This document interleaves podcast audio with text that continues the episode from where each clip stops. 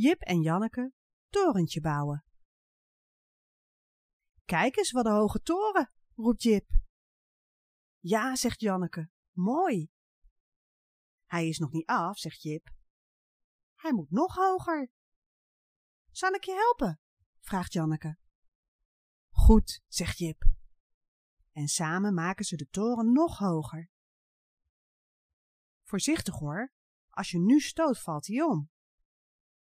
Wacht, zegt Jip, ik zal mama roepen. Die moet hem ook zien. Zo'n hoge toren heeft mama nog nooit gezien. En Jip gaat zijn moeder roepen.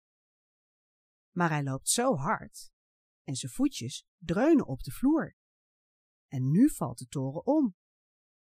Je hebt hem omgegooid, roept Jip woedend. Niet waar, zegt Janneke. Hij viel vanzelf om, omdat jij zo hard liep.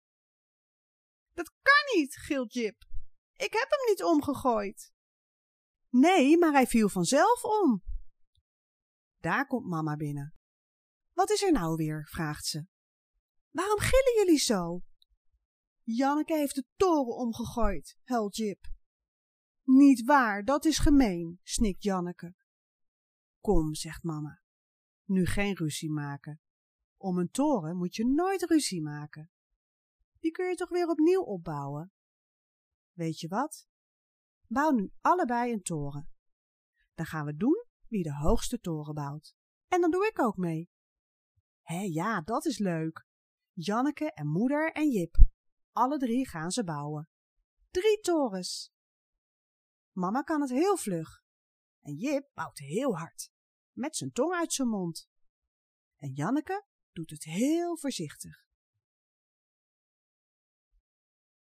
Het worden drie prachtige hoge torens, maar ze zijn nog lang niet af. En dan opeens... Waf, waf! Daar komt Takkie binnen. Waf, waf, waf! roept hij. En hij gooit alle drie de torens om. Alle drie tegelijk. Oh, stoute tak, roept Jip. Maar hij moet toch lachen. Kom, zegt moeder. Ik ga boodschappen doen.